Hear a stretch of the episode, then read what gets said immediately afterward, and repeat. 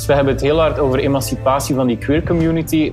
Maar die emancipatie kan ook gewoon de samenleving in zijn geheel emanciperen. Want iedereen uh, heeft last van uh, toxic uh, ideaalbeelden. Hè. Je luistert naar aflevering 4 van Queercast. Deze vijfdelige podcast is gemaakt naar aanleiding van de voorstelling Edward II, The Gay King. Gemaakt door toneelgroep Oostpol. In deze podcast gaan we dieper in op de belangrijkste thema's van de voorstelling: heteronormativiteit en de emancipatie van queerpersonen. Mijn naam is Finny Taylor en ik doe dit niet alleen, maar samen met Jonas Roelens, wetenschapper en docent aan de Radboud Universiteit in Nijmegen. En hij doet onderzoek naar de geschiedenis van queerness. En Elmer Notenboom, oprichter van Indifferent, een organisatie die scholen helpt inclusief onderwijs te geven. Fijn dat jullie er zijn, Elmar en Jonas. Deze aflevering is iets anders dan normaal, zoals je kunt horen. Want uh, Jonas zit in Gent, België. Elmar zit in Arnhem en ik zit in Haarlem. Dus uh, we nemen deze podcast even op, op afstand. Uh, welkom beiden. Dankjewel. Dankjewel. Um, in de voorstelling speelt Fjodor Jozef's zoon Edward II. En in een interview met de Volkskrant zegt hij het volgende. Ik wil niet bezig zijn met of iets te vrouwelijk is of juist te gay. En in de voorstelling verzetten ze zich tegen het idee dat je je als man niet te vrouwelijk of te fladderig mag gedragen. En ik maak air quotes terwijl ik zeg te vrouwelijk en te fladderig. Deze regels voor mannen worden ook wel toxic masculinity genoemd. En dat hypermannelijke ideaalbeeld bepaalt eigenlijk ja, tussen haakjes hoe mannen zich zouden moeten gedragen. Mijn eerste vraag is eigenlijk: heeft deze toxic masculinity invloed op de queer gemeenschap? Uh, Jonas, wil jij beginnen? Ongetwijfeld heeft dat een invloed. Hè? Of je nu wil of niet, je wordt opgevoed met culturele normen en waarden. En kinderen worden heteronormatief opgevoed. Dus ook mensen uit die queer gemeenschap zijn daarmee bijna geïndoctrineerd. En dat heeft een impact op hoe je jezelf ziet en hoe je jezelf affirmeert. En dus moeten mensen daar eigenlijk generatie na generatie een beetje tegen strijden en, en daaraan loskomen. En dat, heeft, uh, niet altijd, dat gaat niet altijd even makkelijk. Sommige mensen worstelen daar lang mee. En dat heeft een impact op het welzijn van heel wat mensen uit die gemeenschap. Hè. Die, die normen kunnen heel verstikkend zijn voor mensen die daar bovenuit willen stijgen of die daarvan willen afwijken. Absoluut. En Elmar, jij werkt met jouw stichting Indifferent met veel jongeren. En Jonas, jij had het over verstikkend. Merk je dat ook in de praktijk, Elmar? Ja, heel erg. Ja, niet bij iedereen misschien, maar ik merk dat veel jonge LGBTQ-plussers te maken hebben met een, uh, ja, met een andere verwachting. Um, je, je, bent toch op een of andere manier een, een afwijking van de norm, die inderdaad, zoals Jonas al zei, generaties lang erin is gedrukt, als het ware. Dus ik zie wel dat veel jongeren op dit moment met een emancipatiestrijd bezig zijn. Dat ze steeds meer eigenlijk eisen dat ze kunnen zijn wie ze willen zijn en dat daar ruimte voor is. Uh, niet op een asociale manier waarbij ze zeg maar, meer ruimte inpikken, waardoor ze andermans ruimte als het ware innemen, maar ze willen zich uitdrukken zoals ze zijn. Ja. En ik zie dat hun voornaamste strijd toch wel is tegen de mensen die nog heel, heel hard vasthouden aan het oude idee waarbij je als man op vrouwen valt en als vrouw op mannen. Ja. En dat, dat is een hardnekkig geloof en ja, daar moeten we wat aan veranderen. En even een klein uitstapje naar jullie persoonlijk. Jullie zijn allebei gay. Wat hebben jullie concreet meegemaakt uh, van die toxic masculinity als uh, jongen die opgroeide in een ja, heteronormatieve samenleving? Heel concreet, uh, ik vroeg uh, als kleuter is een uh, speelgoedpop aan Sinterklaas. En ik ben heel blij dat mijn ouders dat ook gegeven hebben. Maar ik weet wel nog dat daar heel vreemde reacties op kwamen van andere kinders en misschien ook andere ouders die dachten van, hoort dat wel? Een jongen die met een pop speelt. Hè. En andere clichévoorbeelden zijn je de, de sportles op school, hè, waarbij je niet zo geïnteresseerd bent als heel wat andere jongens ik was meer geïnteresseerd in die jongens dan in het voetbal zelf. Maar, dus dat soort voorbeelden. Ja. Jij, Elmar?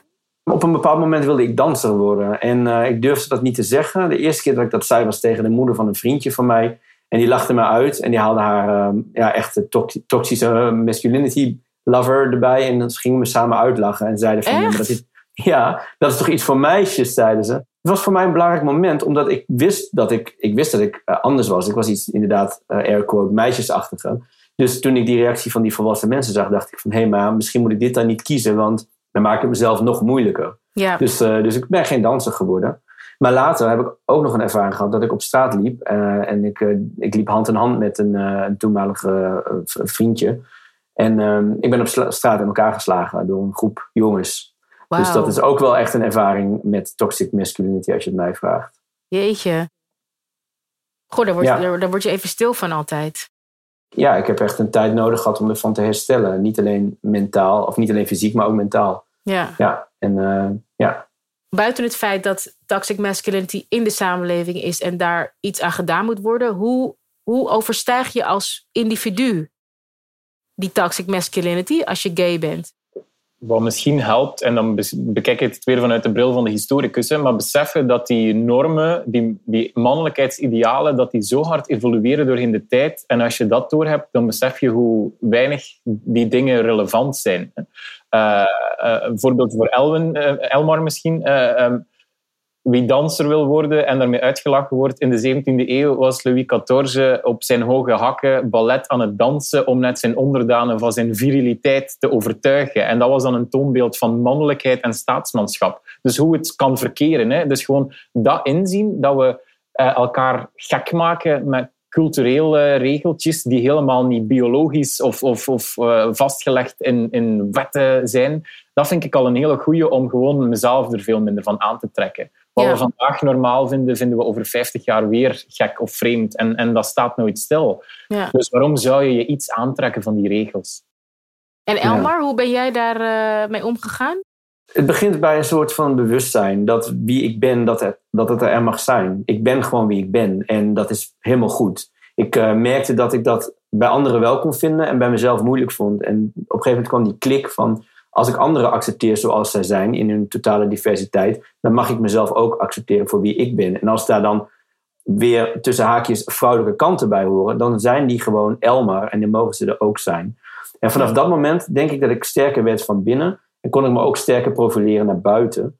En als bijvoorbeeld eh, bepaalde mannen, dat gebeurde vooral vroeger nog wel eens, toen ik wat minder zelfverzekerd was, in een groepje waren en dan werd in één keer homoseksualiteit als onderwerp gekozen en er werden er een soort van grappen naar mij gemaakt. Vaak wel met de intentie om te laten merken, we zijn oké hiermee, we vinden het prima, maar het moest wel op een grappige manier worden verteld. En in het begin ging ik daar dan een beetje met zelfspot in mee. Maar op een bepaald moment werd het gewoon duidelijk dat ik krachtig sta in wie ik ben. Ik ben Elmar, ja, ik ben gay, maar ik ben nog heel veel andere dingen. En daardoor merk je ook dat mensen daar minder grappen over maken. Want ze zien gewoon aan mijn uitstraling dat het, het hoort bij wie ik ben. En Ja. ja, het, is niet, het is niet open voor discussie, het is niet open voor eh, ridiculiteit. Dit is gewoon wie ik ben. Mooi. Ja, goh, ik ben hier, vind het mooi dat je dat wilde delen, Elmar. Ehm, ik wil hier straks met jullie nog even verder over praten. Dat doe ik eh, met, met een stelling. Maar voor we naar die stelling gaan, wil ik nog even wat vragen. Want als het gaat om hoe iemand zich zou moeten gedragen, spelen gender en seksualiteit altijd een hele grote rol. Maar die begrippen worden vaak door elkaar gehaald. Dus even voor mijn helderheid. Wat is nou precies het verschil tussen gender en seksualiteit? Jonas. Als ik het aan studenten in twee zinnen moet uitleggen, dan is je seksualiteit of je sekse je biologisch geslacht waarmee je geboren wordt en wat de gynaecoloog aan je ouders zegt, het is een jonge meisje, het is iets tussenin. En je gender is dan het culturele geslacht. Wat verwachten we van een jongen? Wat verwachten we van een meisje? Wat verwachten we van andere genderidentiteiten? En dat is iets wat een samenleving je vaak oplegt en waar je dan zelf intern mee moet omgaan. Ja. En daar zit soms een spanning in tussen die twee. Dus, die, dus gender is dan eigenlijk die, die regels die wij, eraan vast, die, wij eraan hangen, als het ware. Ja, Nou, daarover wil ik met jullie praten middels een stelling. Heteroseksuele en cisgender Nederlanders hebben niets aan de acceptatie van queerpersonen. Eens of oneens? Nou, oneens, absoluut. grondig oneens zelfs, denk ik. Ja. Mhm. Oké, grondig oneens, zeggen jullie allebei. En Jonas? Ze hebben het heel hard over emancipatie van die queer community, maar die emancipatie kan ook gewoon de samenleving in zijn geheel emanciperen. Want iedereen eh, heeft last van eh, toxic eh, ideaalbeelden. Hè? En dan denk ik aan jongens die eh, op puberleeftijd al naar de fitness gaan omdat ze aan dat ideaalbeeld van de gespierde eh, superheld moeten voldoen. Meisjes die eh, gewichtsproblemen ontwikkelen omdat er een onhaalbaar schoonheidsideaal is. Dat soort toxische gender stereotyperingen zijn schadelijk, niet enkel voor die queer community, maar voor iedereen. Dus die ontvoogding van die community kan een soort uh, uh, effect hebben, een doorcijpelend effect naar de rest van de gemeenschap. Dus tuurlijk heeft iedereen baat bij ontvoogding en emancipatie en gelijkwaardigheid. Ja.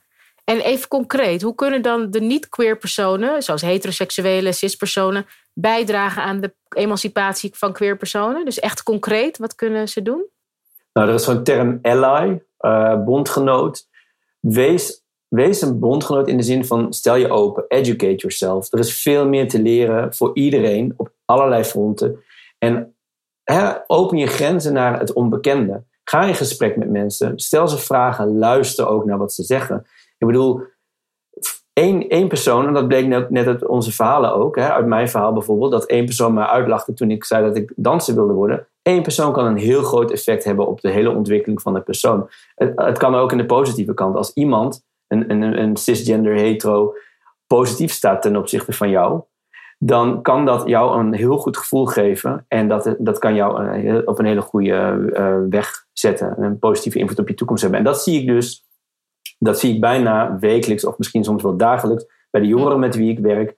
Als ik zie dat, uh, dat, dat docenten en volwassenen openstaan naar jongeren, luisteren naar wat, wat ze te zeggen hebben. Misschien hebben ze een seksualiteit die ze nog niet kennen uit hun jeugd, waarbij misschien alleen maar lesbisch of hetero of homo de norm was. En nu heb je een veel breder scala. Misschien begrijp je het nog niet, maar stel er gewoon vragen open en stel je, uh, stel je open. Ja. Ik merk dat dat voor de kinderen enorm veel zelfvertrouwen geeft. Ja. Dus eigenlijk kun je ook stellen dat de ouders van Jonas, jullie, jouw ouders waren een soort allies, omdat ze wel die pop gaven. Ze hadden op dat moment nog nooit van het woord gehoord, maar ze waren het absoluut. Omdat ze dus Ja. over die eigen vooroordelen heen sprongen en gewoon gaven waar hun kind gelukkig van werd. En dat heb ik, ik heb Ja. er al een paar keer hen expliciet voor bedankt eigenlijk. Hè, achteraf. Oh, echt? Dat je, dan, je denkt dat dat ding komt van Sinterklaas, maar het zijn natuurlijk je ouders die willen dat je kind gelukkig is. En dat is toch Ja. een supermooi ding om te doen. Ja. En, en Elmar, heb jij die persoon die jou, eh, of die dame die jou uitlacht, heb je dat wel eens aangekaart? Heb je dat nog wel eens gezegd? Nee, ik, eh, ik ken haar ook verder niet goed. Eh, Wat zou je nu als volwassen Elmar tegen haar zeggen? ik zou willen zeggen, mensen, alsjeblieft open jezelf. En kijk ook naar een dansvoorstelling. Zie je daar alleen maar vrouwen? Nee, er zijn allemaal mannen die dansen. In, op allerlei manieren, door alle culturen heen, van alle continenten. Dans is iets niet gebonden aan geslacht of aan gender. Dus eh, je had het niet zo specifiek moeten noemen. Je had me niet moeten uitlachen. Ik was een kindje, ik had een droom. Zet kinderen in hun kracht. Steun ze erin, wat ze ook willen. Willen ze een pop, geef ze een pop.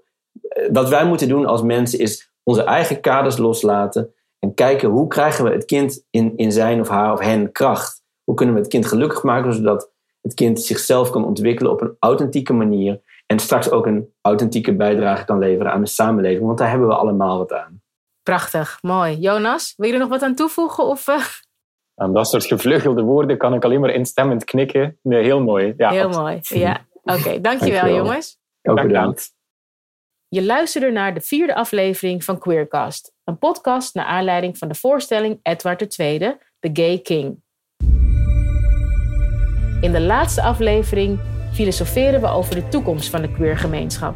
Over hoeveel jaar lachen we bijvoorbeeld over al die vooroordelen die we nu hebben? Wil je meer informatie over de voorstelling of over Elmar of Jonas? Ga dan naar www.toneelgroepoostpol.nl.